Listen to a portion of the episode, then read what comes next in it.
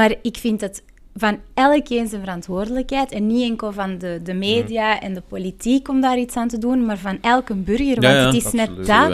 En hoe snel en kort door de bocht dat je reageert op sociale media, het is dat dat polarisatie in de hand werkt. Het is dat dat 100%. extremisme in de hand werkt.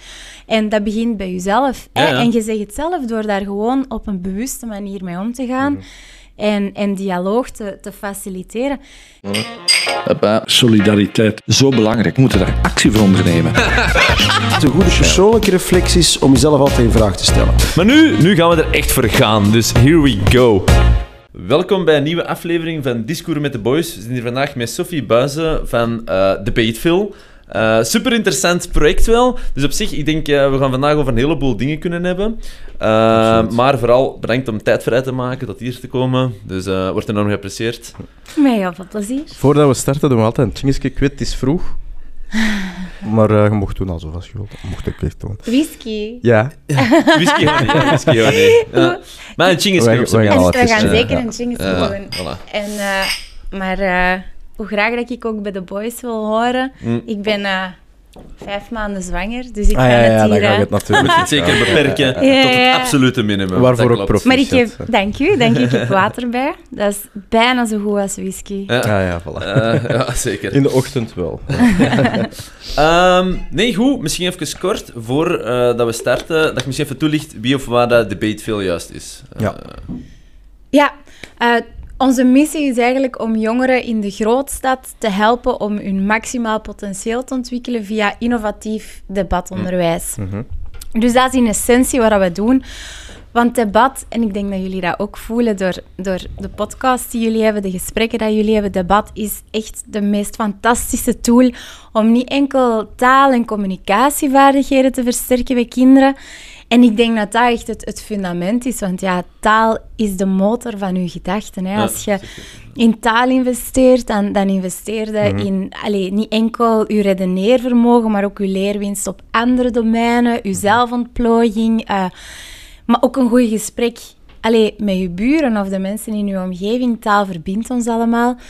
En ehm, ja, ik denk dat daar echt een heel grote uitdaging is voor, Ja. het, voor het onderwijs.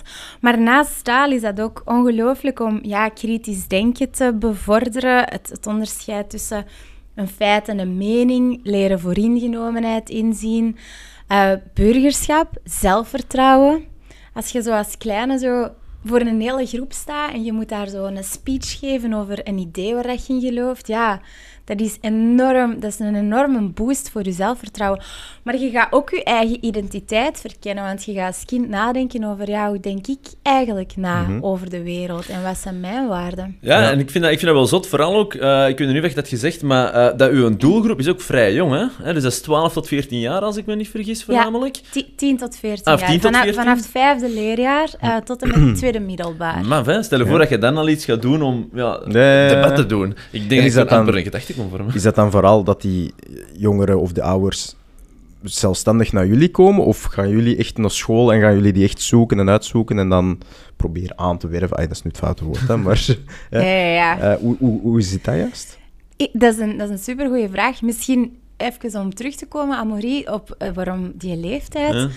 Omdat als tienjarige, dan heb je echt al wel een, een, een, een visie en een mening en je, je, je wordt mondiger. En eigenlijk is dat een enorm essentiële leeftijd. Je wilt dat moment in een kind zijn leven niet missen.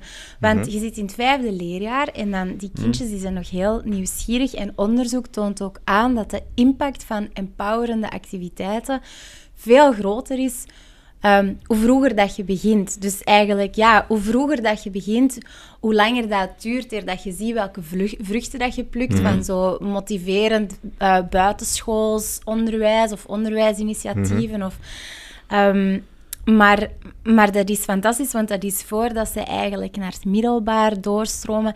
En ik denk dat dat belangrijk is dat ik dat erbij zeg. Twee derde van onze kinderen komen uit een heel kwetsbaar milieu. Dus we zijn vooral allee, in de eh, grootstad, in Brussel, aanwezig. Maar wij, wij bereiken echt kinderen in, in, in de centrumstedelijke context. En dat wil zeggen dat die bijvoorbeeld een schooltoelage krijgen, dat de ouders inactief zijn op de arbeidsmarkt, dat die geen diploma middelbaar onderwijs hebben, dat die thuis geen Nederlands spreken. Dus, maar ik denk dat dat uniek is, en ik ga straks terugkomen op de vraag, maar ik denk dat dat uniek is wel aan, aan ons model, omdat je hebt veel... Ik denk, als, je al, als kinderen al debatteren, dan is dat inderdaad vaak op latere leeftijd, ergens in een college, waar dat een of andere allee, super gemotiveerde leerkracht of studenten zelf een debatclub hebben. Maar net voor de meest kwetsbaren, die misschien al een beetje een ehm, achterstand hebben op vlak van taal, is dat een ongelooflijke pedagogische tool. Maar wij isoleren die kinderen niet, omdat je evengoed veel bevoorrechtere eh, jongeren hebt, met wel hoogopgeleide ouders, die ook naar debate Ja, ja. komen.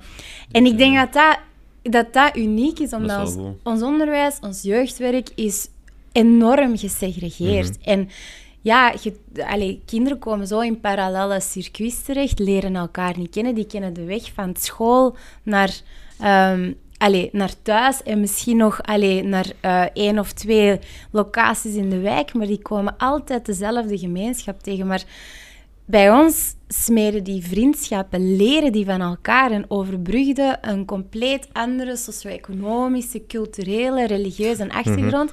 En dat is net zo schoon, want Ja. in die diversiteit heb je de beste dialoog, heb je de rijkste debatten. Klopt, en de kunt je meeste ook zien perspectieven ook. Hè. Voilà, de meeste perspectieven kun je ook zien. Ah, maar waarom denkt hij nu anders dan ik? Eh, bijvoorbeeld, een goed voorbeeld is ehm, bijvoorbeeld spotten met, eh, spotten met religieuze karikaturen moet strafbaar zijn. Veel kindjes zijn bij ons wel heel gelovig. Dus die vinden van, ja, je kunt niet spotten met de profeet, dat gaat niet. Maar vaak kiezen die niet voor welke, voor wel- welke stelling dat ze moeten verdedigen. Dus die moeten dan eigenlijk tegen hun eigen mening ja. argumenteren. En dat is fantastisch, want dat verbreedt uw, uw denkvermogen, uw redeneervermogen. En achteraf kun je ook de mening van iemand anders op een nog allee, grondigere manier gaan verkennen. Ja. Maar evengoed verdedigen ze hun eigen mening. En door die diversiteit in de groep heb je dan ook ehm, ja, een diversiteit in opinies. Wat Dus er zijn leuke maakt. en minder leuke sessies van de kinderen. Ik denk Niet alles moet leuk zijn, hè? maar- Nee, nee, nee. ja, nee, zeker ja wij hebben vaak dat debat in het team. Ik denk echt wel dat dat... ehm, ons doel is dat alle sessies mega leuk zijn. Want Ja, ja, ja. honestly, en dat komt ja, op uw vraag niet. terug. Nog een tweede vraag. ik- Ja. Ja, ja, kom, rustig, hè. Ja, maar er zit er nog een. eh, dus doe maar, doe maar. Nee, nee, eh, nee, maar goede vraag. Hè. Eh, kinderen recruteren voor zoiets, Ja. hoe doe je dat? Maar dat klinkt dramatisch. The Army Nee, of the Children. Ja, maar dat Via is... ouders? Nee, maar dat is super moeilijk, hè? Om allee, heel concreet een kleine in Molenbeek te overtuigen om iets naschools te doen. Veel kindjes hebben daar nog niet veel ervaring mee. En dan nog eens soms op een plek waar dat hem nog niet is geweest, hè, want we doen dat soms in de bibliotheek of in het gemeenschapscentrum. En dan om te komen debatteren, een concept dat hen vaak eigenlijk nog compleet vreemd is. Daar Ja. moeten super goede sales skills Ja, voor hebben. Want het, het is Ja. denk ik voor die leeftijdsgroep niet sexy, hè? Debatteren. Allee, Nee. Als ik mij zou inbeelden, als ik 10, 14 jaar was, dan kwam iemand af. Ja, de goesting om een debatclubje te, te joinen. Of je hebt dan de keuze om te gaan voetballen met wat vrienden na school of zo. Dan denk ik dat die keuze toch heel snel neigt naar dat voetballen of dat andere dan dat ongewetene. Of ben ik er fout in of niet? Ah, wel ja, als je maar, ja. onderwijs organiseert en dat ook nog educatief Mhm. enorm uitdagend wilt maken en voor die kinderen de laat hoog moet leggen, dan moet dat gewoon het allerleukste zijn wat dat er is. Mhm. Dus daar werken wij ook aan, omdat, en, en dat lukt, want allee, wij gaan dus debate veel voorstellen in de klasse. En dat is een triple win, want eigenlijk geven wij gratis workshops aan eh, leerlingen in het vijfde en het zesde leerjaar. En zo hebben wij een mega, allee, m- een mega groot bereik, want we hebben meer dan 900 eh, leerlingen bereikt alleen dit jaar al. We bestaan nog maar twee jaar als organisatie. Dus dat is huge. En wat ook interessant is, is dat de leerkrachten onze methodologie op die manier ook leren kennen.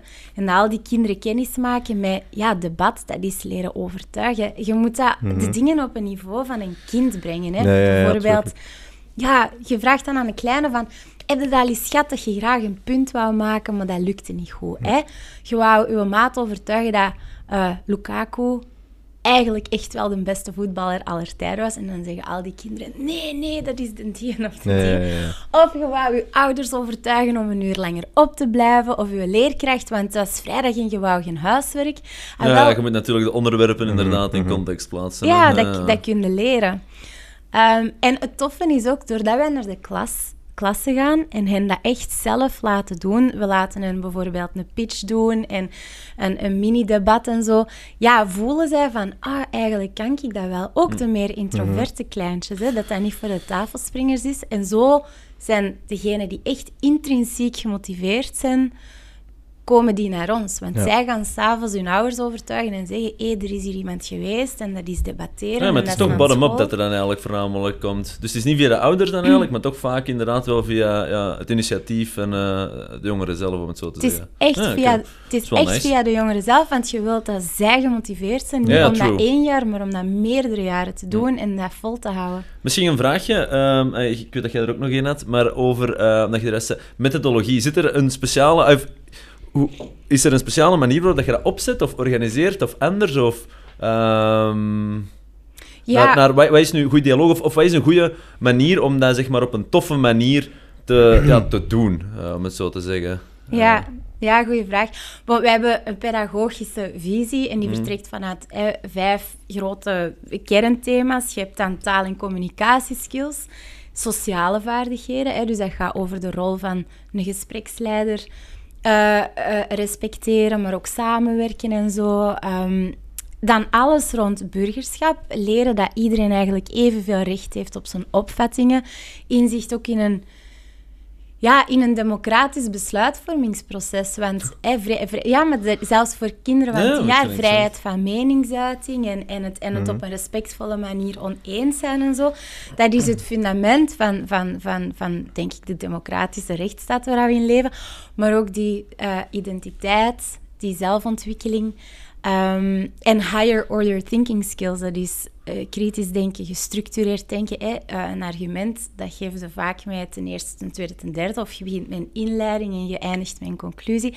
En dat is super goed voor het redeneervermogen van die jongeren. Dus dat, is zo wat, dat zijn onze pedagogische pilaren. Maar dat wordt vertaald naar gewoon een superleuk lesprogramma. Want die kleintjes hebben al heel de dag op school gezeten. Ja, Dus wat doen we dan? Bijvoorbeeld, je hebt het hete luchtballondebat. En dan eh, mogen jullie eh, een personage zijn dat je mega graag al keilang eens voor een dag wilt zijn. Bijvoorbeeld eh, Captain America of, wat zeggen ze nog? Barack Obama, Ariana Grande, Iron Man. En die zitten samen in een luchtballon die keihard neerstort. Want ja, climate change, onweer. Maar er kan maar één iemand overleven en een ballon veilig landen. Dus die moeten in drie rondes zeggen Dat is waarom... waarom dat ze Ja. afvallen? Nee, Waarom dat ze dat doodgaan. waarom dat zij mogen leven. En eerst zeggen ze, ja, maar ik ben Barack Obama en en ik ga hoop brengen. Niet enkel naar Amerika, maar naar heel Ja, de wat wereld. is de impact? Ja, en dan zeggen over hun, hun tegenstanders van ja, Ariana Grande, ik weet dat die heel goed kan zingen, maar die doet ook niet zoveel meer dan zingen. En dan oh, in de laatste ronde, de kindjes die niet van voor staan, die niet in de luchtballon zitten, die gaan dan kritische vragen stellen en die gaan dan vragen van ja, maar wat gaat je nu echt doen als je dan die ballon hebt geland? Ja. En, en het toffe is, die kleine mannen leren dan ook stemmen. Niet op, de, niet op hun vriend of hun vriendin, maar op degene die echt Ja. het meest overtuigend was. Die leren spreken voor een groep. Die leren argumenteren op een respectvolle manier. Die leren zich inleven in een ander personage. Ik heb... eh, Voilà, dat is een idee. Allee, Ja, één maar dat is- heel Eh, concreet plezant. voorbeeldje. Ik heb misschien een opvolgvraag, maar ik weet niet hoe Nee, hard ik uw vraag eh, wil negeren. Ja, het is ongeveer aan pot gekomen. Ah, Oké, Dus- ehm, maar ehm, omdat wij het heel vaak al hebben gehad over onderwijs en kritisch denken en bla bla. En je zegt zelf ook, we hebben al een hele dag op school gezeten, waarbij dat je eigenlijk al insinueert van ja, dat stilzitten, eh, laat informatie op je afkomen, weinig interactie. Maar dit is een heel interactief model en dat is ook een beetje de core van waar dat eigenlijk over gaat. Dus core vraag, waarom heb je eigenlijk het gevoel dat dergelijke zaken na schools moeten georganiseerd worden en dat dat nog niet echt ja, in, in ja, bepaalde elementen van het eh, standaard educatiesysteem zit? Ja, dat is een supergoeie vraag. Ik denk niet dat dat niet in het allee, in het curriculum zit. Ik, allee, als je naar het curriculum kijkt... En ik Nee, ben, nee, absoluut. Nee, ja, ik ben, ik ben geen eh, onderwijsexpert. Hè. Nee, nee, ik, heb veel, ik, heb, ik heb veel ervaring op terrein, maar kritisch denken zit en burgerschap en zo, dat zit zeker wel opgenomen. En de beste leerkrachten, en er zijn er zoveel fantastische, inspirerende leerkrachten, die werken daaraan. Niet enkel afgebakend als ze met dat thema bezig zijn, maar in elke les. Maar de grootste hefboom voor kinderen op weg te helpen naar een meer beloftevolle toekomst, om een kind eigenlijk de kans te geven om zo ver te gaan als, als zijn talent of zijn nieuwsgierigheid rijken, dat doe je door echt eh, de leertijd uit te breiden. Een kind zit maar 36% van de tijd op school. Voor kinderen uit een kwetsbaar milieu is dat weinig. En om die schooltijd, die leertijd uit te breiden, bijvoorbeeld in, het- in de context van Debateville, dat is een heel schooljaar lang, maar dat is 7% elke week meer, dat die bijleren, dat die geprikkeld zijn, dat die ehm vooruit Het voelt minder als een verplichting ook, denk ik. Ze school is er heel wel voor, verplicht, ja. voilà. En dan als je na school daar inderdaad naartoe gaat, dan gaat dat toch meer van het- inderdaad die eigen Maar interesse dan zeg zijn, je eigenlijk van... Eh, schooltijd is te kort eigenlijk om dat goed erin te steken. En puur terugkijken naar onderwijs, hè, omdat ik, hoe dat je het aanpakt en wat je allemaal zegt, ik vind excuseer, wel relevant. En misschien had ik het zelf ook wel graag gehad. Of ik had het op zijn minst interessant gevonden. Ehm, maar daarom, hè, terugkerend naar gewoon van waarom zit het minder vervet in het klassieke. En als ik dan hoor van ja, hè, 36%, ja, op zich is dat wel veel tijd of zo. Maar dan wordt er eigenlijk gezegd, ja, afhankelijk van natuurlijk, hè. Maar dan wordt er eigenlijk gezegd van ja, in functie van de huidige priorities die er dan eigenlijk wordt gesteld, is dat minder relevant. En want je zegt inderdaad, er zijn misschien een paar goede leerkrachten, et cetera. Volg ik 100%. En denk dat er zeker veel eh, toppers zijn. Maar gewoon ook, als ik een beetje anekdotisch kijk naar mezelf of eh, het hier en daar wat vraag, dan voelt je toch wel dat dat, dat soort concept, ook die interactie, ja, er zo nog wat te weinig in zit. Maar ehm, je hebt dan niet echt het gevoel dat dat ook is, of hoe...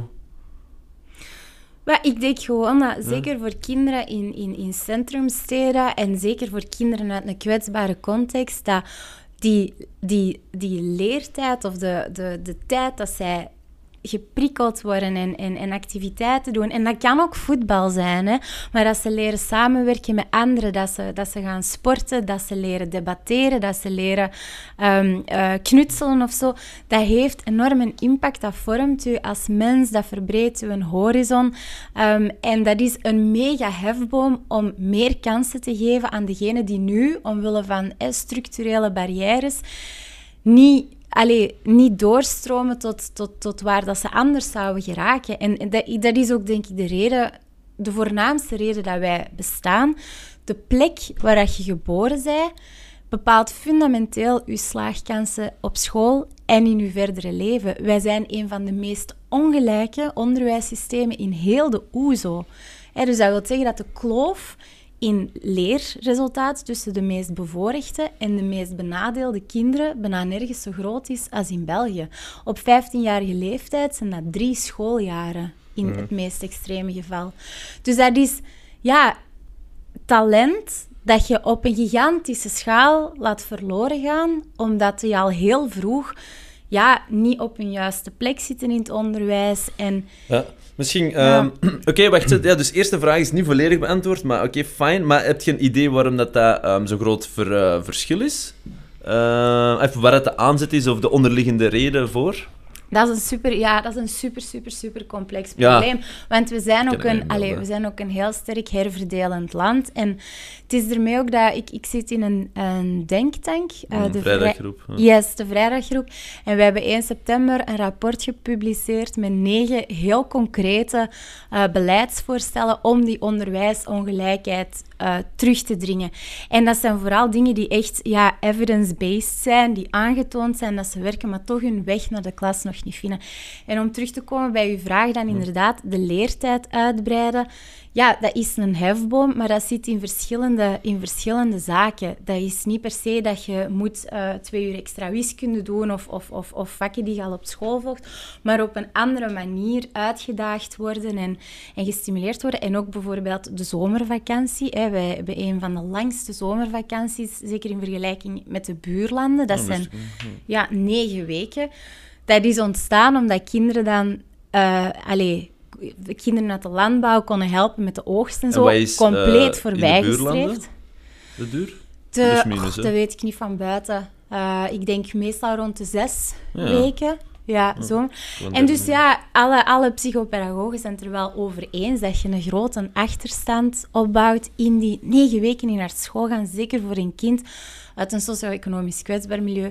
Dat is super lang. Dus eigenlijk heel veel winst dat je opdoet tijdens dat schooljaar, dat verliesde in die negen weken. En daarom de Franstaligen hebben dat. Want ze zeggen dat eigenlijk al sinds de jaren 70. Je moet je schoolkalender aanpassen, zodat je veel optimaler met leertijd omgaat. Franstaligen hebben dat nu gedaan. Want COVID was gewoon een mega opportuniteit. Hè. Je had die overlegorganen, want natuurlijk... Heel de maatschappij wordt afgestemd op de schoolkalender. Ehm, en je had dan die schoolvakanties die verlengd werden met krokus en, en, Ja, en ja, de herfstvakantie omwille van corona. En wij hebben echt eh, in Vlaanderen helaas de boot gemist, want wij hebben dat niet gedaan. Dus je hebt nu twee verschillende schoolkalenders. Maar bijvoorbeeld dat Dat is... wist ik ook niet. Wat is er dan het grootste verschil? Ah, wel, die negen weken zijn ingekort ja, dan? Of- dus de, eh, het systeem is zo, en dat is ook het voorstel dat wij hebben gedaan in het beleidsrapport. De zomervakantie zijn nu zes weken, dus die is ingekort. Maar je hebt een week extra in de herfstvakantie, dus twee Mhm. weken herfstvakantie. En twee weken krokusvakantie. En dat is zo Nou, meer ingevoerd. continuïteit eigenlijk, Ja, ja, ja. Met, met langere pauzes, maar geen Ja. extreme pauze. Ik snap het. Exact. En maar de ook voor absolute zal dan nog hetzelfde zijn. Ja, en ook voor leerkrachten, dan zetten er echt eens uit twee Mhm. weken, want dat is een mega rush tot aan die herfstvakantie. En dus dat is ja, voor uw leerritme en eh, allee, ook mentaal gewoon, gewoon veel beter. En ik denk dat de leerwinst die je opbouwt groter is. Dus voilà, dat zijn hefbomen, denk ik, Maar- om daaraan te werken. Heb je een idee van de onderliggende oorzaak? Of, of een, eh, hoe dat, dat, ja, waar dat erin zit? Want eh, je hebt inderdaad een paar oplossingen en ik denk, eh, er zullen zeker relevante zaken in staan. Maar ik bedoel, is dat iets dat ontstaan is, zat dat eigenlijk altijd in... Waarom dat er eh, zo'n groot verschil is? Is dat bijvoorbeeld ook eh, omdat minder taalmachtig bijvoorbeeld, dus ja, minder gemakkelijk kunnen volgen? Of wat zijn zo van- die oorzaken? En eh, heb je daar een zicht op? Of niet? Ja, dat is nu misschien kei specifiek, hè, maar ik vind het wel interessant. Ga- ja, Want ik vraag me dan gewoon af, van waarom zou er een verschil zijn als in theorie iedereen dezelfde leerstof krijgt? Zou er enkel een soort van... Kun je het nog heel individueel gaan trekken? Van oké, ja, je hebt misschien tikkeltje minder talent, maar je hebt daar dan meer talent. En dus dat, maar als het dan echt is op basis van afkomst, dat is eigenlijk irrelevant voor de materie die wordt overgedragen, om het zo te zeggen. Ja, iedereen heeft natuurlijk in principe hetzelfde curriculum en zou dezelfde leerstof moeten Ja. krijgen.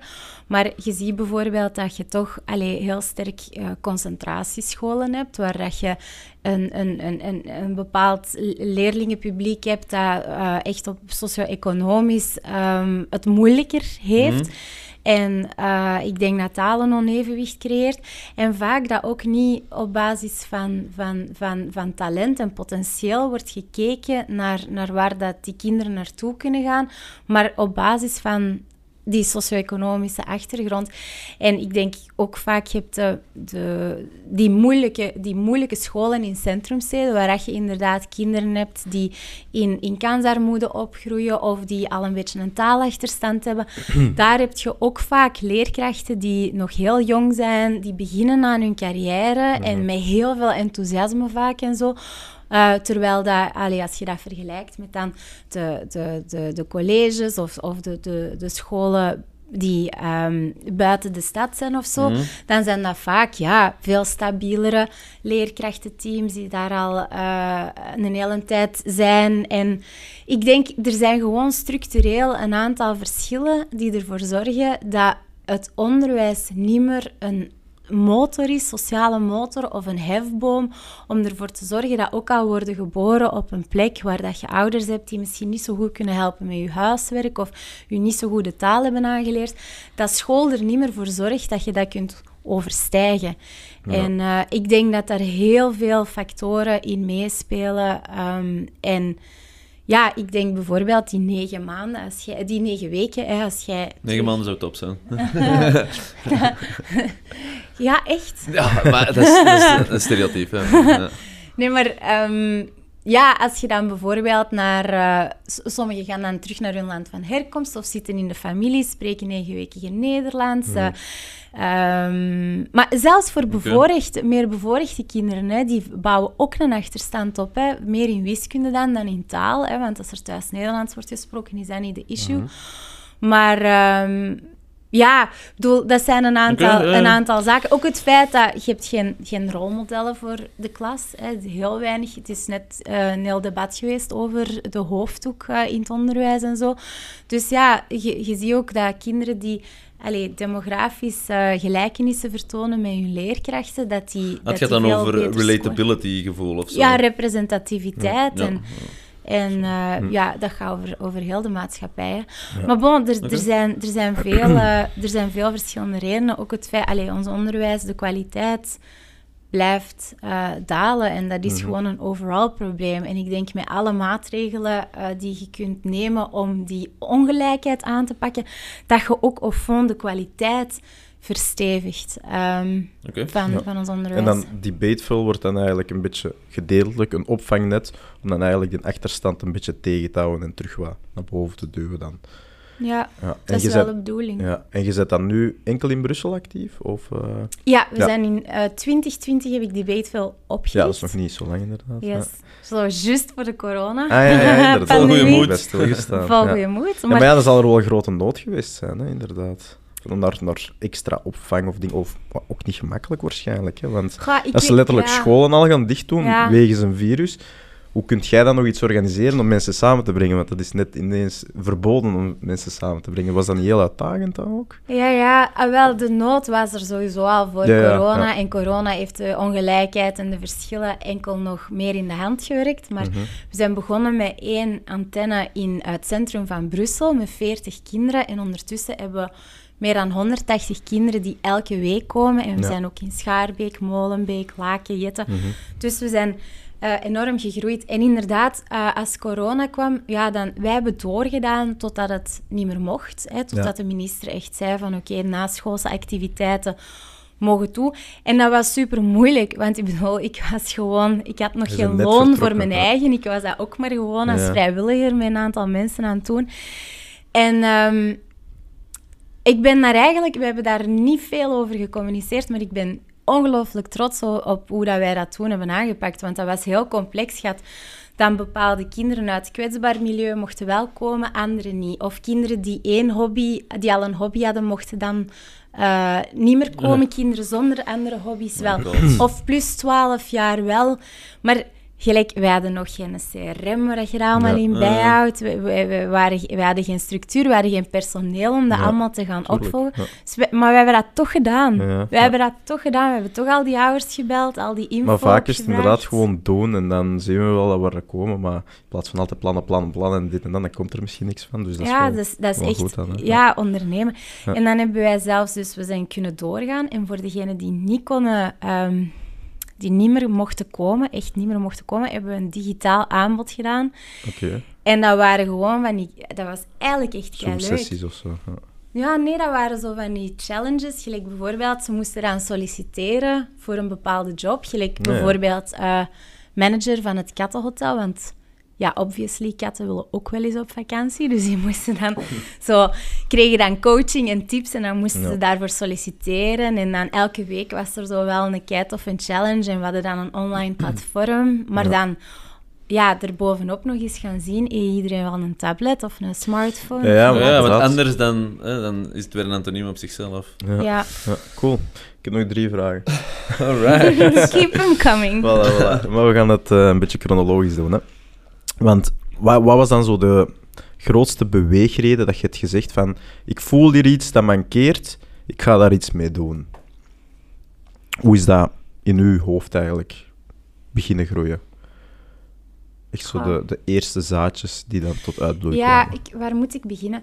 Ehm, ja, ik ben zelf, ik vind dat ik zelf ongelooflijk bevoorrecht ben. Ik heb, Mhm. altijd, ik, heb, ik heb altijd alles kunnen doen. Ik wou conservatorium studeren en rechten. Ik heb dan allebei kunnen doen. Mhm. Maar zelfs ervoor, ik, had, ik was niet goed in wiskunde. Dus mijn mama stopte vroeger met haar werk om helemaal naar de beste wiskundeleraar te rijden, die dan een half uur verder woonde en ook Dat is keiduur bevoorrecht. Ja. was. En allee, ik, ik, heb dat, ik ben me daar altijd super bewust van Ja. geweest. Hoe, hoe ongelooflijk veel dat ik heb meegekregen en heb kunnen doen. Als ik ging studeren, dan had ik allemaal accomplished mensen in, in het netwerk van mijn ouders die gingen zeggen, oh, misschien zouden dat moeten studeren Ja. of daar een stage doen. En ik ben altijd heel gevoelig geweest ook voor onrecht en armoede. Misschien omdat mijn mama deurwaarder is. En ik ging als student altijd daar in de zomer werken. En ik zag... Dat is heel confronterend. Dan, Dat hè? is enorm confronterend. Ik zag mensen die echt, echt in armoede leefden en niet konden rondkomen. En ik heb altijd fundamenteel geloofd dat, hoewel ik niet de ambitie had om voor de klas te gaan staan, dat onderwijs de grootste hefboom is. En Nelson Mandela zegt dat, hè, het, het grootste, het sterkste wapen om, allee, om, de, om de maatschappij te verbeteren, onze beste integratiemachine, dat is onderwijs. Ja. En ja, geconfronteerd ook met die cijfers rond ongelijkheid, met die dalende onderwijskwaliteit, met de demografische verschuiving. Het aantal kinderen in kansarmoede is verdubbeld tussen 2007 en wat is 2017 of zo. Dus ehm, ja, voelde ik me echt aangesproken om daar iets mee te doen. Ja. Ik heb dan eerst Teach for Belgium opgericht in Vlaanderen. Dat is een organisatie die mensen mobiliseert om te gaan lesgeven in concentratiescholen en hen daarvoor... Het is echt een leadership-programma ook en hen ook aanvangsbegeleiding geeft gedurende twee jaar. Nu super actueel met het ongelooflijke lerarentekort. Ja. Maar ik heb ook zelf veel op terrein gestaan en ik merkte echt van, ja, die kinderen in, in Sint-Joost was dat dan, waar ik mee werkte in het weekend, die, ja, die, die hadden heel hun schoolbaan in het Nederlandstalig onderwijs gedaan, maar die konden nog geen drie correcte volzinnen vormen. Ja. En die hadden... Die zeiden altijd, oh, moi j'ai pas les mots, ik, ga, ik Ja, weet het niet goed. ja, eh, ik, allee, ik heb wel een Je voelt idee, dat er wel iets wilt uitkomen. Ja, Ja, en die, gewoon niet. Ja. die hebben gigantische dromen en aspiraties. Hè. Die willen kinderarts worden, of dierenarts, of eh, leerkracht. Maar dan op weg naar volwassenheid zie je dat al in die eerste jaren van het middelbaar... Zie je al die deuren al sluiten. Ja, ja, ja. Terwijl dat die dat kunnen wel. Terwijl dat die dat echt wel kunnen, Mhm. moest er iemand zijn die zegt... Kom aan, je, je kunt dat. Ja. En misschien een beetje extra hulp met, met, met, met dat vak of met dat vak. Ja. En dus van het gigantisch netwerk en alle kansen die ik had, zag ik gelijk geen, niks daarvan bij al die kinderen. Ja, ja, ja. En dat zijn wel onze leerkrachten van morgen, of onze podcastmakers van morgen, of onze techniekers, onze ondernemers van morgen. Je hebt maar één grondstof hè, hier in België, en dat is een paar, allez, paar meter boven de grond. Je kent die uitspraak Mhm. misschien. Dat, dat is de brainpower van, die, van, die, van, van, van de volgende generatie. Ik geloof Mhm. dat echt. En sorry, ik zie de innovatieve eh, oplossingen niet. Als we op het beleid gaan moeten blijven wachten, dan denk ik dat we nog lang kunnen wachten. Het is super moeilijk. Hè. Ik wil Ja, ja. hier niet zitten. keiveel Nu, het is een super complex, zeker met onze... het is ah, ja. hyper complex en het is echt de, de, de versnippering Mhm. ook van stakeholders en koepels. En het is moeilijk om, om, en het is ook een lange termijn investering. Je, je probeert Absoluut. dingen te verwezenlijken, denk ik, in het beleid, dat je dat misschien pas Het is niet later van vandaag op morgen, hè, natuurlijk. Nee. Ja. Maar En zo nu- heb zo ja. specifiek doelen voor de komende jaren, of waar dat je echt naartoe bent? Want nu, bijvoorbeeld Brussel, wil ook naar die andere steden, of Ja. hoe zit dat juist? Ik heb daar na nog een opvolgvraag. en Dan moet je- Ja, ja, ja. Ehm, ja, ik, er is superveel potentieel om te, te scalen, om te Mhm. groeien. Want ik heb iets heel belangrijk nog niet gezegd. De mensen die onze debatlessen geven, dat zijn eigenlijk mensen zoals jullie. Eh, dat zijn vrijwilligers en die doen dat, ofwel dat zijn studenten. Studenten geneeskunde, sociaal werk, rechten, eh, eh, psychologie, van alles en nog wat. Maar evengoed mensen die al werken, bijvoorbeeld als advocaat, als communicatiespecialist, iemand die in de koolruit werkt, maar een passie heeft ja. voor debat. En dat is waanzinnig graaf, want die hebben zoveel talent, die zijn zo gedreven en die staan daar elke week voor hun eigen groepje kinderen in eh, Schaarbeek of in Brussel. Mhm. En dat is gewoon een triple win, want ja, zij zijn echt een rolmodel. De helft van onze mentoren, gelijk dat ze heet, die hebben zelf een migratieachtergrond. Die komen zelf uit die quartiers en dan denken die kinderen, oh, maar ja, jij, jij studeert nu sociaal werk of, of rechten of... Mm, Eh, het kan. hè. Nee, Ja, ik kan dat eigenlijk ook wel. Hm. Maar voor hen, allee, ik denk naast het feit dat dat heel veel voldoening geeft om elke week te zien dat jij erin slaagt om zo een kind te laten bijleren, te laten nieuwe dingen ontdekken. Daarnaast is dat ook een waanzinnig leiderschapstraject qua communicatieskills en leadership. Om zo elke week voor zo'n groep klein mannen van 12 te staan.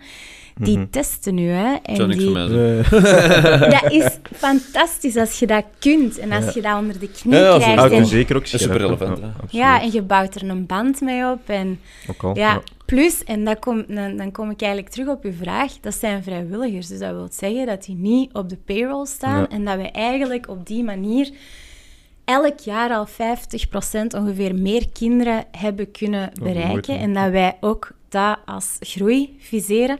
Ja. En ik denk, er zijn nu bijna 19 regio's en gemeentes, zelfs van allee, de Duitsstalige gemeenschap, de Franstalige gemeenschap, maar evengoed andere centrumsteden in België, die heel graag een, een Debateville Hub zouden willen lanceren. En in Ja. principe hebben wij alles, allee, ons model ligt Ted. TEDx-vibe dan, of hè? Dingen die je zelf doet en dan ook outsourced? Of zou je altijd zelf ownership nemen over het traject? Of eerder van, hier is de Ja. stijl, eh, los het op? Nee, goede vraag. Ik denk op dit moment, ons model ligt er, maar we zijn dat echt nog aan het fine-tunen. Hoe Nee. kunnen... Want bedoel, wij, wij, wij meten heel hard, de, wij proberen heel hard een impact van onze interventies te meten. Nu bijvoorbeeld dit semester hebben wij 83% aanwezigheid. Hm.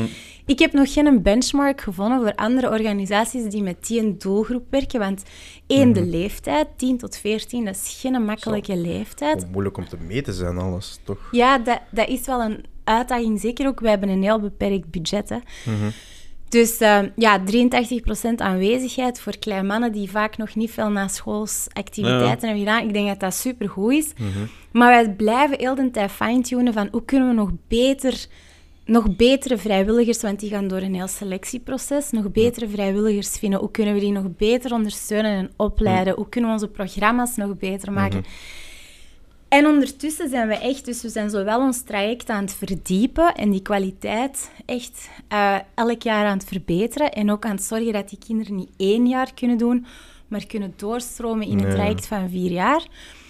En elk jaar 50% meer kinderen. Dus dat is echt een, een dubbele oefening van zowel groei ja, groter, en scale beter. Ja. als een superhoge lat voor kwaliteit. En we zijn dat ook aan onze donors, of dat dat nu de subsidierende overheden zijn, of de familiale stichtingen die ons centen geven om deze werk te doen, zijn wij dat verschuldigd. Want ik vind dat er al genoeg initiatieven zijn die tof zijn, maar zo te ad Ja, hoc. sympathiek, Ja. maar eh, wat is de impact? Hè? Nee, inderdaad. maar om En- op uw vraag, misschien nog rap, want, Ja. want inderdaad, ik zie scale... Rap? Wat, hè? Nee, nee, omdat je het eigenlijk Ja, al ja. zei van wilde daar eigenaarschap over Oh, hebben. ja, van, ja. Ehm, nu, nu wel, omdat we dat model nog aan, het- aan het Ja, ik wil die fine-tunen kwaliteit zijn. echt in de hand houden nog. En ik wil volledig heel graag die kwaliteit en die lat ligt heel hoog bij ons. Maar ik denk dat wij op den duur moeten ook evolueren Mm. naar een model waar dat je je impact schaalt, zonder dat je je personeel en je budget moet schalen. Ja, dat je alles in eigen... Want ja, dat is vermoeiend, hè. Voordeel is controle, nadeel is... Ja, dat is niet echt schaalbaar, want je gaat altijd zelf een bottleneck zijn, hè. Mm. Ja, centen dus, hè. Ja, ja. Oh, ja. En ik denk als je Komt het altijd op neer. Ja, als je, als je alle kinderen die in scope van onze doelgroep zitten wilt, wilt bedienen, dan heb je echt wel veel geld nodig. En dat, je hebt daar geen app voor. Hè. Kinderen op weg helpen naar echt betere leeruitkomsten, dankzij je programma. Er gaan altijd gewoon getalenteerde mensen moeten achter zitten. Anders, anders slaagden er niet in. En dus ik denk dat dat wel allee, de Mm, lange termijn horizon is om een soort center of excellence te worden, Mm-hmm. dat inderdaad zegt van oké, wij hebben, ze hebben in ons geïnvesteerd om iets te testen Mm. dat al op grote schaal zijn Mm-hmm. een impact heeft bewezen, onder andere in het buitenland. Wij hebben dat gefine-tuned en elke school, jeugdwerkorganisatie, muziekschool, whatever, die debateville wilt gaan doen, hier is ons model. Ja, ja, en, voilà. En, en Ja. we begeleiden anderen om dat over te nemen. Ja. Oké. Maar bon, we zijn nog maar Ja. twee jaar bezig. Ja, ja, ja. Dat is nog niet voor Ja, morgen. nee, nee, nee, inderdaad. En als we dan even gewoon naar eh, de threads in de SWOT-analyse gaan, zou ik denken hè, van 10 tot 14 jaar. Oké, wat na dat traject van vier jaar of twee jaar, whatever, na, vanaf dat ze 14 zijn, kunnen ze dan niet meer terecht bij Debateville? Is er dan misschien nog een opvang? Of vallen ze dan Ja. misschien ineens terug in een gat? Of is daar ook iets aan gedacht geweest? Of is dat nog Ehm, te ondervinden misschien? Wel, we zijn daar nog niet, want we zijn nog te jong. Oh, ja, een Dus- niche ook. ja. Dus we hebben nog geen kleintjes die Nee. dat traject al doorlopen hebben. Ja. We zijn dat nu gewoon eh, aan, het- aan het opbouwen. Ja. Ehm, maar wat we wel nu al doen, is proberen kinderen door te verwijzen naar andere organisaties, andere activiteiten die complementair zijn Partnerships. Ja. met wat, dat, met wat dat wij doen. Ja, Ja, ja, dus in die zin denk ik... Maar wij zijn wel redelijk uniek. Ik ken geen andere debatorganisaties of, of, of public speaking. Mhm. Ja, Natuurlijk, zeker voor jongeren. Dat vind ik, Ja. eh, dat vind ik wel Ja, zo ja, goed. Hè. Ik denk, allee, je hebt de, de, de, de effecten en voordelen ervan wel gegeven, maar ik denk inderdaad wel dat dat super relevant is. Ik zou misschien heel rap even eh, terug iets willen vragen over eh, dialoog Een zelf. vraag is een op. Eh, ehm, en dat, dat was... ehm, omdat nu er juist even over corona ging, et cetera. En heel vaak ook met de podcast zelf, maar het maakt eigenlijk niet echt uit waarover het gaat. Als je echt van gedachten wilt wisselen, is er nog geen enkel instrument dat dat kan vervangen. Eh, als je fysiek aanwezig bent, sorry, dat je nu misschien bij moet zeggen. Dus omdat je nu er juist zei van, ah ja, dan hebben misschien... Hebben jullie soms ook dingen online gedaan, of niet? Of ah, puur vanuit je eigen perceptie, eh, of hele dialoog eh, gebeuren, vind je dat je dat ook online kunt organiseren of eh, niet. En natuurlijk, je kunt alles in zekere mate online, hè, maar gaat het werkelijk dezelfde soort diepgang kunnen creëren? Of hoe kijk je daarnaar? Goh, Want ik, ik ja. ben wat conservatief dan, denk ik, op dat niveau. Puur omdat je altijd voelt, als je echt letterlijk naast elkaar zit, dat creëert toch een ander soort gedachtenwisseling dan als dat bijvoorbeeld online is, of laat staan via e-mail, bij wijze van spreken. Dat is natuurlijk ook niet echt dialoog, maar puur om echt zelf ook als een spons dingen op te nemen van wat er gezegd wordt. eh. Ja, ik denk dat je het zelf al zegt. Hè. Je moet een beetje bepalen welk doel dat je wilt bereiken. Ja? En als je, ik denk dat je online veel kunt doen. Hè. Je kunt leren, Ja. eh, een, allee, je kunt een argumentatie opbouwen, je kunt een goed debat organiseren, die spreekdurf kun je zelfs online aanwakkeren, eh, kritisch denken en zo kunnen stimuleren. Maar als je een dialoog wilt voeren met enorm veel diepgang en, en, en complexiteit, eh, ja, dan denk ik dat tegenover elkaar zitten wel nog altijd voor extra kwaliteit zorgt. Ik denk dat dat e- ook online gaat, hè? maar dat het persoonlijke element. ehm, denk ook gewoon om Ja, gemotiveerd te blijven. Niet? Ja, dat sowieso. En je je voelt echt energie, vind ik. ja. Dat vind je niet bij een online gesprek. Dan is het Ja. veel meer eh, scherp. Maar inderdaad, hè, technische opzet. Communiceren is ook hoeveel procent gebaren, hè, wat dat je dan online veel minder hebt. ja, non-verbale communicatie, Mhm. dat is echt eh, onderschat, dat is superbelangrijk. Ehm, Ik- ook je, je verliest zo de afstand en de anonimiteit. Hè. Je zij, je zij milder als je... Milder en opener als iemand tegenover je zit en je kunt die in de ogen kijken. En, ja, Nee, zo. Moment, ik denk ja, een, een, ehm, eh, een soort van statement dat we soms ook wel maken, maar ont, ontsnapt me nu heel even, is ja, als je zeg maar, met veel mensen spreekt over verschillende topics, ehm, je kunt bijna het niet ontsnappen dat je eigen gedachtegoed genuanceerder wordt. Dat betekent niet dat je misschien geen meningen hebt of voorkeuren of whatever, maar gewoon als je probeert eh, te kijken naar iets, dan moet je altijd wel toegeven, ja, ik zie toch wel meer kanten. Is dat ook een effect dat je dan zelf ook eh, merkt bij je ja, doelgroep, zeg maar? Dat je merkt, ah, die kwamen zo binnen. En nu merk je toch dat als je een gesprek voert, dat, eh, ja, dat, dat daar meer nuance in zit, of meer helderheid. Of, allee, ja, helderheid is niet het juiste woord. Maar snap je een beetje wat ik bedoel? Ik snap helemaal wat je bedoelt. kun- ja. ja. en ik denk dat wij ons daar ook onderscheiden met andere organisaties die rond debat werken. In België ken ik ze niet, maar bijvoorbeeld in Nederland ehm, heb je echt zo... Dat is puur en duur debatteren. Hè. Dat is eh, team blauw, team rood, voor en tegen. En dat is elkaar... Eh, dat is echt een steekspel Ja, iemand met, moet winnen. met ja, woorden. ja. Iemand moet winnen. Terwijl dat bij ons echt Beetje gaat... politiek dan eigenlijk. Hè. Ja, de politiek vandaag. Want Ja, als je naar de True, debatten true, van, true, true. van Giscard d'Estaing en, en, en, en, en Mitterrand en zo kijkt, Mhm. ja, die, gaan, die durven echt nog elkaar standpunten verkennen. En, en die durven zeggen van, ja, ik vind dat je er eigenlijk wel gelijk hebt, Mhm. maar Ja, ja. dat is een ander type politiek debat. Bon, Ja. Dat is ook de Franse cultuur. Maar bij ons gaat het meer over inderdaad het standpunt van iemand anders durven verkennen. Mhm. En soms ook, we hebben dan het stellingenspel, bijvoorbeeld. eh, ja, die muur is akkoord. Eh, Brussel is een gevaarlijke stad. Akkoord, niet akkoord. Maar je kunt soms ook in het midden staan. Of soms zeggen we, oh, de muren zijn gewisseld.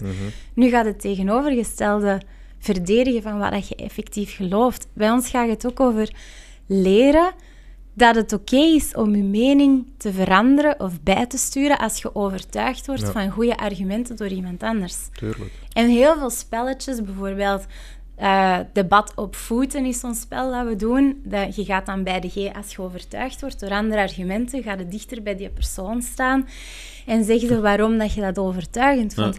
En dat is voor sommige kinderen echt een mindfuck. Hè? Die denken iets is juist, juist of fout, ja, zwart of wit. Maar die nuance, ja, dat versterkt je, je redeneervermogen. En dat is heel Absoluut. tof om kinderen dat, dat te kunnen aanleren. En Ja. misschien maar. ik nog even... En beseffen Dat- ze dat dan ook? Ja, Op die de- moment? Of is dat meer zo'n gev- vaag gevoel? Of... Ik denk dat je dat later beseft. Ja, je, moet dat, Ja. je, je moet dat benoemen. Ja. Ah, Kinderen leren zo het beste bij als je dat echt kunt benoemen. Van, Ja. kijk, je, bent, je, hebt, je zei eerst dit, nu, nu zeg je dat. Je, je hebt je mening veranderd. Mhm. Hoe voelt dat en waarom is dat? En ja. dat is eigenlijk wel chic dat je dat kunt. Dat is wel sterk dat je dat kunt. An- Allee, 12? ja, Ja, helemaal. Ik wil dat er Er altijd bij. genoeg volwassenen Er zijn- dat niet doen. hè. Ik wou juist zeggen, er zijn genoeg mensen die het vandaag niet doen. eh, you, you have two, two kinds of fools, hè? The Hmm. ones who can't change their mind and the ones who won't. Ja, ja, En als je ja. dat kinderen al vroeg kunt leren, Mhm. dan opent dat hun blik op de wereld. In, maakt dat hen veerkrachtiger in een samenleving die supersnel Mhm. verandert. En ik denk dat dat ook aansluit bij de visie die ik dan heb van, allee, van de maatschappij. We leven in een de liberale democratie. Het plur- pluralisme is daar essentieel. Ja. Het is helemaal oké in, in, onze, in onze samenleving dat jij van mening verschilt met mij, dat wij andere meningen hebben. Allee, sterker nog, mijn, mijn allee, politieke, ideologische standpunten zijn vaak niet vertegenwoordigd eigenlijk in de plek waar ik woon, omdat je daar nu eenmaal... eh, ja, dat is nu eenmaal essentieel aan democratie en dat leren beseffen en daar leren mee omgaan. Ehm, en daar de waarde van inzien. En op een respectvolle manier het leren oneens zijn met Ja, iemand dat zeggen we ook altijd. Wij noemen dat degelijkheid. Ja, hè. ja, Het maakt niet uit waarover dat je dit of hoe oneens of eens. Het is altijd zinvol om natuurlijk hè, te zien dat je elkaar kunt vinden. Maar ook al kun je elkaar niet vinden, het is wel belangrijk dat je ja, eh, je altijd kunt op een degelijke manier verhouden tot de ander. Dat er gewoon... Ja, ook gewoon mogelijkheid is om elkaar te leren begrijpen. En ik denk Ja. ook wel, zelfs al begrijpt je elkaar niet, maar je doet dat op een toffe, ja, tof is misschien niet, maar gewoon op een aangename, aanstekens manier, sorry, dan eh, vertrekt je altijd van de tafel met iets meer respect of iets meer begrip, et cetera. En ik, ik geloof wel, of ik ben toch naïef genoeg, eh, om te denken, als je dat blijft doen, het echt op collectief niveau, dat je ook echt wel letterlijk dichter naar elkaar eh, toegroeit. Niet alleen in gedachtegoed, maar ook gewoon naar houding. Eh, Tuurlijk, we hebben veel meer soms met elkaar gemeen Tuurlijk. Dan wat dat ons verdeelt. Ik, heb, ik leef in een buurt waar dat ik eigenlijk qua, qua uiterlijk, op het eerste zicht, qua kenmerken, weinig deel met de mensen in mijn buurt. Maar als je mensen kent, iedereen wil toch ergens of fond dezelfde dingen. Een, een gelukkig... zijn allemaal mensen, hè. Ja, we zijn allemaal mensen, gelukkig gezinsleven en, en kwalitatieve relaties en waardering voor wie dat je bent en wat dat je doet. En ik vind dat... Je kunt veel kritiek hebben op Macron, maar ik vind dat hij dat wel als politieker zo die egalité, fraternité, dat, die, die waarden zo wel belichaamt. En, en dat politiekers die niet eh, naar kijken, naar, naar dat buikgevoel van angst. Angst dat vaak allee, aangestoken wordt door, door, onbekende, door het onbekende en waar dat je... ehm, ja, waar dat je niet vertrouwd mee bent, maar net gaat kijken naar wat dat u verbindt, dat dat sterker is. Maar ja, dan moet uw discours zo goed zijn, omdat uw buik, in uw buikgevoel gaat angst en, en, en, en het onbekende altijd veel, een veel sterkere reactie uitlokken. En ja, ik denk de kwaliteit van uw besluitvorming en uw beslissingen, die wordt veel beter als de kwaliteit van uw dialoog ja, dat is een gevolg, inderdaad, van je dialoog. En daarom is, is, is, is goed maatschappelijk debat, en ik denk dat wij dat ook met de vrijdaggroep als denktank doen, ehm, maar elke dag met die kinderen eh, een kwalitatief debat kunnen voeren, zo belangrijk voor ons als samenleving, omdat dat zorgt voor betere beslissingen en Ja, ja. betere sociale Volgt cohesie. Open, open vraag, eh, maar nu niet naar uw businessmodel toe of zo, of naar debate veel specifiek. Maar moeten we dat eigenlijk ook niet organiseren op alle niveaus van de samenleving? En ook alle leeftijdsgroepen? ja. Puur omdat ik het gevoel heb, eh, en ik val er waarschijnlijk zelf ook onder, hè, daarom ik ben niet zo arrogant om niet te snappen dat ik waarschijnlijk eh, een hypocriet ben, Maar ehm, dat, dat we allemaal waarschijnlijk te... emotioneel is niet het juiste woord, maar ja, te weinig gewoon goed dialoog voeren eh, met elkaar. En uiteindelijk, want je zei er juist, ja, vinden kinderen dat wel leuk? Goh, eh, inderdaad, dat zal sowieso wat moeilijker zijn, maar vindt ja, alle leeftijdsgroepen dat eigenlijk leuk. Ik denk, in general is dat niet zo... staan mensen daar niet, denk ik, altijd zo open voor om dat eigenlijk bijvoorbeeld als hobby bij wijze van weg, spreken te gaan doen. Eh, maar ik denk inderdaad wel dat het eigenlijk op verschillende niveaus echt wel een belang heeft. Eh, puur omdat...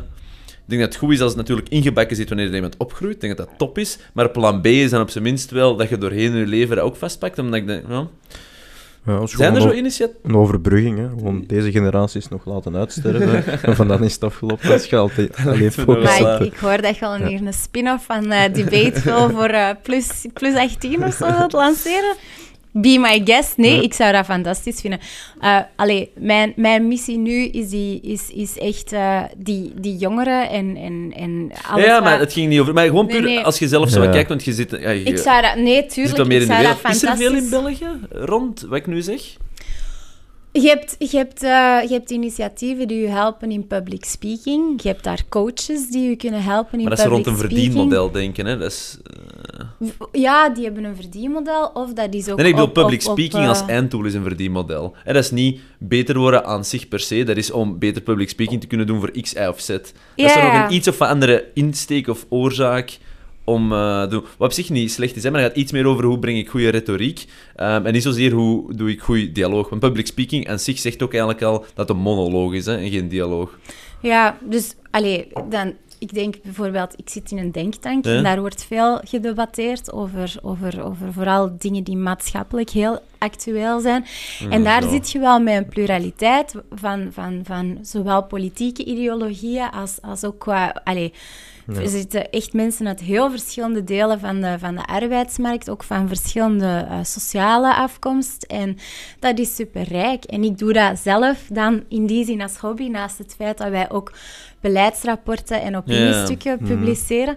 Dus ik heb daar zo mijn weg in gevonden. En anderen doen dat met een groep veel- vrienden één keer per maand. Of, maar op een, op een structurele manier, ja, ik denk dat daar, dat daar veel waarde in zit. Ja, ja. Als je ook andere meningen kunt toelaten. Ja, ja, En- ja, dat is heel de essentie. Ja, maar dat Is is... dat niet zo Ja, gemakkelijk? als nee, dat- nee, Ja? je zit toch altijd wel in je, je eigen bubbel en hè, in je eigen echokamer. Hoeveel mensen kennen jullie die echt eh, op een compleet ander ideologisch spectrum zitten, die een compleet andere achtergrond hebben dan u? Dat is net de kans om daarmee Oh, ja, ja, in debat dat- te gaan. Ja, ja, sowieso. Hè. De standaard heeft dat denk ik eens gedaan, om, om eh, als actie om mensen te matchen en, en in dialoog te laten gaan met een heel andere achtergrond. Maar dat is net wat wij proberen te doorbreken, Mhm. dat je in die parallele circuits terechtkomt en elkaar helemaal niet kent en Mhm. alleen maar gefocust bent op wat allemaal zo anders lijkt. Ja, ja, sowieso. Maar bon, het is ook hoe dat wij zijn als mensen. Ja, de cognitive bias dat je hebt. En, Maar dat is allemaal fijn. Ik, denk, ik denk, we moeten niet eh, proberen beter te zijn dan dat we zijn of zo. Maar ik denk wel... eh, Ik denk dat zo'n zaken, los van het feit dat die ook gewoon skill-wise verbeteren, ook gewoon een soort van extra bewustzijn creëren, waarin dat je gewoon jezelf kunt herkennen. Van, ah ja, nu ben ik gewoon eigenlijk van eh, mijn standaard gedachten aan het voeren, en dat je ook kritisch moet zijn voor je eigen gedachten. En zo leert je dat ook. Want ik denk niet dat je al die biases die eh, typisch zijn aan ja, menselijke natuur, kun je niet overstijgen. Je kunt ook zelden beter worden dan dat ze zijn, maar je kunt ze wel herkennen en benoemen. Maar En ik zijn denk- dan niet beter aan het worden? Als je ze eh, ja, ja, maar ik wil maar zeggen... Ja, ja, ah, wel, voilà, ah, wel. probeert, ja. Dus ik denk inderdaad, dat is het doel. Hè. Dus het gaat niet per se altijd om inderdaad echt eh, alles te overwinnen of whatever. En nog amper mens te zijn. Maar exact, ik denk dat is zo de realistische manier van nastreven dan. Dat je inderdaad de dingen net kunt benoemen, kunt eh, ervaren. Eh, zelfs misschien af en toe hè, slaagt iedereen er eens om op voorhand te zeggen ah, wacht, ik ga niet direct oordelen of ik ga toch wat meer nadenken. En ik denk inderdaad dat dat wel net de reflexen zijn die dan gecreëerd worden. En daar zit echt superveel waarde in. Ik, gel- allee, ik geloof wel echt dat je jezelf kunt overstijgen. Dat je beter kunt zijn dan... dan Ja, maar je krijgt cognitive bias of confirmation bias, dat krijg je er nooit uit. Dat gaat altijd je eerste reflex zijn, want dat is de menselijke natuur. Tuurlijk, je hebt, je Oh ja, hebt voilà. gewoon, je hebt gewoon je, dat is gelijk de, dat is gelijk je, je groeps, je, gro- je tribaal groepsdenken of, je- of, je, of, je, of, je, Ja, of voilà. je limbic brain, dat is fundamenteel, er is veel onderzoek naar. Mm. Maar eh, ja, ik, ik geloof wel dat je als mens eh, toegewijd moet zijn in het hebben van, allee, het, het echt bevorderen van je eigen open geest en 100%. een, het, het, het creëren van morele ambitie. En ik vind dat iedereen een verantwoordelijkheid heeft om te groeien als, als persoon, ook in de verbinding naar anderen toe. En allee, je gaat soms door emotie en je cognitive bias of, of je reptiele brein aangedreven worden om heel kort door de bocht emotioneel te reageren. Maar ik vind het van elkeen zijn verantwoordelijkheid en niet enkel van de, de media en de politiek om daar iets aan te doen, maar van elke burger. Ja, Want het is absoluut. net dat. En hoe snel en kort door de bocht dat je reageert op sociale media, het is dat dat polarisatie in de hand werkt. Het is dat dat 100%. extremisme in de hand werkt. En dat begint bij jezelf. hè. Ja. En je zegt het zelf door daar gewoon op een bewuste manier mee om te gaan Mhm. En, en dialoog te, te faciliteren. En eh, dat is super moeilijk. Hè? Allee, ik Ja, want je kunt geen shortcuts nemen, hè? dat is het probleem. Hè? Ik denk, Nee. heel veel van die zaken zijn shortcut eh, thinking or reacting. Eh, Maar niet per se dat dat slechter of beter is, hè? maar ik denk als je gewoon praktisch naar de samenleving kijkt, zullen we gewoon zo'n richting uit moeten. Want anders heeft het... Elke dan- keer gewoon een opportuniteit gewoon hè, om, om te groeien. Hè. Dus, Ja, ja. Ja, anders, an- anders krijg je een, een verdeeldheid Ja, die zo voilà. diep is gelijk in, in Amerika. En dat is echt Ja, dat is echt niet geen oplossing, dat is echt waar geen antwoord. eh, Nou, sorry. nee, nee, nee, maar het was Ehm, terecht. Oké, nee, goed. Ehm, papapam. Ja, we zijn zo een klein beetje richting einde aan het gaan. Ik ben nog heel even aan het nadenken. Zijn er zo nog een... eh, eh, ik heb nog wel wat vragen, maar heb jij nog een... eh, Stel maar, ik heb nog een eindvraag. Maar doe maar, dat is te vroeg. doe maar. Nee, dat is een goede eindiging. Ja, Maar de, zullen we de suspense wordt hier Ja, hier is toch vaak debat, hè? Dus, Ja. Ehm, papapam. Ah, ik zal ze vragen. Ehm, wat zijn voor ieder, iedere leeftijdsgroep de beste tips dat je kunt meegeven om individueel op dat dialoogspectrum te kunnen groeien? Ja, wat kan ik nu doen Ja, ja, als ik ben aan het luisteren? Goh, wie ben ik? Ik lees wel elk jaar een boek van iemand waar ik het manifest oneens mee ben. Mhm. Ehm, Nou, tof een tip. Ja. Eh, en ik probeer mij dan echt ja, in te leven in, in, in een standpunt van iemand die ideologisch Mhm. echt op de andere kant van het spectrum zit. Ik praat zelf graag en soms wat te veel. Dus ik, ik, ik, leer, ik probeer mezelf aan te leren om meer open vragen te stellen in een gesprek. Ik ken iemand bijvoorbeeld die zo tijdens de coronacrisis enorm zo in complotdenken en zo is, is meegezogen. En dat was heel akelig, maar ook ergens fascinerend om te zien hoe dat die zo ja, in een mega diepe rabbit hole is gedoken van... van van, van Ja, oké, ja, eh, eerst was het oké, er is niet genoeg publiek debat rond die coronamaatregelen en dat kon ik ergens volgen en daar vind je elkaar in. Maar nu hebben de World Economic Forum en de Rothschilds eigenlijk climate change en corona een soort van hoax bedacht om eh, allee, de mensheid eh, een hak te zetten of zo. Ehm, En it's part of a big scheme. En dat is, dat, dan betrap ik mezelf erop hoe hard dat ik in mijn eigen, ja, in mijn eigen denkkaders eh, en, en toch ook een bepaalde emotionele reactie heb op, op dingen die zo, ja, die ik zo moeilijk vind te begrijpen, hoe dat je daar komt om zo, zo'n dingen te geloven. En hoe dat, dat zit vol met, en als je er een beetje mee bezig bent, dan, dat zit dan vol met drogredenen en denkfouten, Ja. zo'n betoog. En dan niet gaan zeggen van, ja, maar ja, dat is een cirkelredenering. Of dat is een uh, toekwokwe uh, drogreden of zo. Allee, dat heeft geen zin, maar om open vragen te stellen en echt te willen begrijpen. dat je dan in plaats opbouw van, snapt naar in plaats van u, ja, die opbouw snappen in plaats van zelf je punten moeten maken. En dat vind ik wel een moeilijke, allee, intellectuele oefening. Hè? Ja. ja, Ja, het- ja, ja. ja dat- ja, nee, ik denk dat het ehm, Aristoteles was die zegt: uh, It is the mark of an educated mind to Ja. entertain two thoughts at the same Ja. time. Allee, Ja, without conflicting accepting it. thoughts eh, at the same Ja, time. of, of, of, of, of, een idee, of een idee te hebben zonder dat je het onmiddellijk aanvaardt, maar dat, dat er vraag stellen. En ik denk dat dat wel echt allee, training vraagt. Ja, ik geloof daar ook wel in, want je merkt dat wel, eh, gewoon ook op individueel niveau dan soms, maar eh, als je inderdaad soms twee heel uiteenlopende antwoorden hebt op dezelfde vraag, waarvan dat je beide moet zeggen, ze kloppen beide, Ja. dat is eh, soms Maar heel... heel, moeilijk complex, om te ja. doen in de maatschappij van vandaag. Hè? Want vaak een ideepad bewandelen, waarvan dat je Mm. inderdaad geen idee hebt van is het juist of fout. En je toetst het af met iemand, moet al in een hele veilige kring zijn, want anders worden openbaar gecanceld. Ja. Het kan van alles zijn, dus heel gevaarlijk wel in die huidige maatschappij. Merk je dat ook binnen de dingen dat je... Ja, sorry, excuseer. Je zit een beetje met een snotneus. Iedereen is een beetje verkouden, hè. Zo. Maar merk je dat, merk je dat ook? Ehm, ja, nee, die, eh, ja, die call-out culture, goh, ik vind dat echt, dat, dat is zo kwalijk. Dat is echt... Mhm, eh, absoluut. Want gesprek. uiteindelijk, uiteindelijk gaat dat over zaken die vaak goed bedoeld zijn of niet slecht bedoeld Mhm. zijn, als kwaadaardig gaan shamen of uitroepen om een beetje je eigen morele superioriteit of, of, of Mhm. wokeness in de verf te gaan zitten.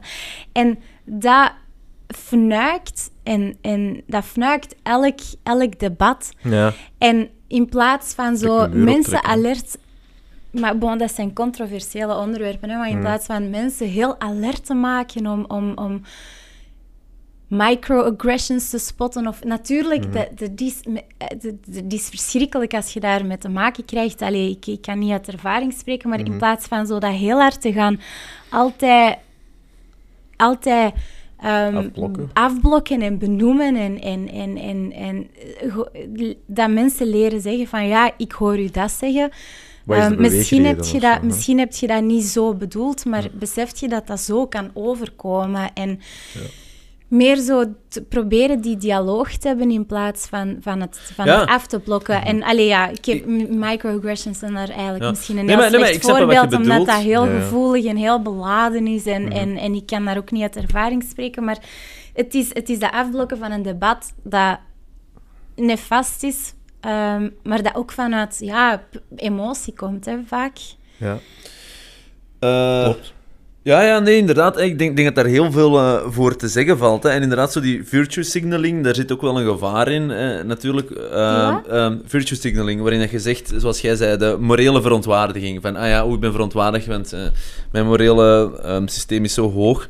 Ehm, ten eerste, waarschijnlijk, zijn allemaal hypocrieten, dus ik denk dat sowieso belangrijk is. Maar vooral ook, er zijn heel weinig mensen waar tegen je zegt, je bent dom, en die dan zeggen, aha, ik ga veranderen. Dus ik denk ook gewoon, puur vanuit een praktisch ding, stel, je hebt de hoogste morele waarde, je bent de beste topper ooit. Als je dan denkt in functie van het doel te willen bereiken, ergo dat meer mensen dan uw moreel systeem hebben, ah ja, want eh, je hebt het hoogste systeem, dan moet je eigenlijk mensen meenemen in eigenlijk ook zo te denken. En denk dat daar ook eigenlijk een probleem zit, waarin het te snel is een emotie uiten en van, ah ja, dat is slecht, versus van, hè, misschien kunnen we kunnen het anders bekijken, of X, Y of Z. En ik denk dat daar ook een beetje zo wat de paradox zit op het, eh, op het cancel culture gegeven, en waar dat dan dus over ging. Dat is, het helpt niet per se met effectief mensen doen wijzigen van mening. Integendeel, soms gaat het Ja. net antoniemen versterken. En daar is helemaal de bal misgeslaan. En dat is inderdaad wel zo... eh, ook waar dat dialoog, of het niet stoppen ervan, ehm, eh, of beperken ervan, kan helpen, denk ik. Omdat net... De meest moeilijke dingen hebben net de meeste ruimte nodig om besproken te kunnen worden. Ehm, en ja, daar... Maar er is ook onderzoek naar, hè. bijvoorbeeld eh, bij, allee, bij, bij dan de, ehm, toen dat Trump aan de macht was, hebben ze eh, eh, democraten meer naar Fox News laten kijken en naar, naar, naar eh, republikeinse standpunten laten verkennen. En andersom ook republikeinen meer democratische standpunten Mhm. laten verkennen. En daar zelfs bewust geselecteerd op de dingen die het meeste convergentie hadden. En wat zag je na die oefening? Dat die eigenlijk nog meer overtuigd eh, op de partij, voor de partij gingen eh, eh, strijden of, of daarop gingen stemmen dan voor dat experiment. Omdat je zo, je bent meer getriggerd door je waarde en je identiteit soms dan, dan door je eigen belangen. Dat is ook wat, je behoort tot een groep of zo. En dat verdedigen van die groep, dat is... Ja, zo. Dat, dat zit Het zo... overstijgt ons toch nogal gemakkelijk. Hè? Ja, Eh, en, en dus daar eigenlijk jezelf durven in vraag stellen, dat is iets vermoeiend. Hè? Ja. Dat vraagt echt een inspanning in een maatschappij die zo complex is Mm. en maar ingewikkelder blijft worden en die snel verandert. En daarom zie je denk ik ook... Ja, daar zit het conservatisme ook in, dat, dat dat moeilijk is om de flexibiliteit te hebben en de mentale weerbaarheid om Mm. daar, daarmee om te gaan. Ehm, en de emotionele intelligentie, want ik denk dat het voor een stuk daar ook in ligt, om te, te durven aanvaarden van oké, ik ga niet altijd gelijk hebben. En, eh, en, en, en nuance toe te laten in je leven en andere perspectieven eh, toe te laten. Ik denk dat dat echt een mentaal intense inspanning is. En ik, ben, en ik slaag daar zeker ook niet in eh, eh, elke dag. Maar ik denk dat dat wel de moeite waard is om mensen ervan bewust te maken dat dat, dat, dat proberen waard is. En... Top. Mooi. ja, we moeten, we moeten het, eh, het einde niet vervuilen. Nee, ik denk nee, dat dat een, een mooie, een mooie boodschap is. Hè? Ja. Dus eh, Absoluut. Alright, cool. Fijn. Sophie, Dank u voor yes. de uitnodiging, heel erg boys. bedankt om eh, tot hier te komen. Het was, eh, het was een heel fijn gesprek en eh, nog heel veel succes met, eh, ja, ja, groeien, hè. met de groei, inderdaad. Hè. Ja. U dat ons wilt helpen met groeien, En nog die even eh, natuurlijk. Ah, ja, ah, ah, dus dat is zo'n typische VZ2-donatie-vibe. of nee? Nee. nee, nee, kan vrijwilliger Ah, worden. Als ja. je, als Of je- doneren. Of doneren. We zoeken, we zoeken altijd centen. Als je een bedrijf bent en je denkt, we willen eh, allee, de volgende generatie werknemers of een stichting of eh, een individu, al is het met kerst, oh ja, 100 euro of 1000 euro of en je wilt iets terug... 100.000 euro. Of 100.000 euro, je wilt iets teruggeven aan de samenleving. We zoeken nog, eh, we zoeken nog eh, dat bedrag inderdaad volgend jaar. nee, maar oké, Ja, het is zijn maar geen... 100 mensen met 1000 euro. Hè. Ah, wel, Dus, voilà, ja. dan zeiden de rap. Ehm, Nee, het is een, een investering dat niet morgen rendeert in een return op Mhm. uw bankrekening, maar in de toekomst van uw kinderen en uw Ja, maar sociaal kapitaal, hè, dat is geen... eh, Je zegt het en kwijt. dus- ja, je, je, je, je, je- je krijgt het terug. Nee, je krijgt het terug. Ja, ja, Wat was een We, mopje? we Het kunnen daar een nieuw debat over openen. Ehm, maar eh, nee, nee, er is zeker Maar een het is wel return. alleen geen financiële. Dus ja, daar moeten eh, inderdaad ook uw, eh, uw horizon een beetje op een langere termijn eh, zetten. Maar ook voor vrijwilligers. Hè, als je Ja, mentoren daar. doen. Ja, Ja, of op een andere manier uw tijd wilt geven in plaats van centen. Heel welkom, want onze kleinmannen die zijn fantastisch. Die hebben veel talent en die eh, zoeken mensen gelijk, eh, ja, gelijk jullie of gelijk de mensen die luisteren om hen vooruit te helpen in het leven. Voilà, tweede mooie einde. Ja, Super. Ehm, Ja. Nee, Eh ik hoop eh, eigenlijk, het zou wel cool zijn, moest iemand deze nu hebben gehoord en effectieve... Ja, ja, ja, Dus, voilà, eh, is dat. Ehm, alright, cool. Dankjewel. Sophie, Tot de Veel volgende. succes. En, eh, Dank tot later. heren. Ja. Tot nog eens. Ja, Bye bye. inderdaad. Bye bye.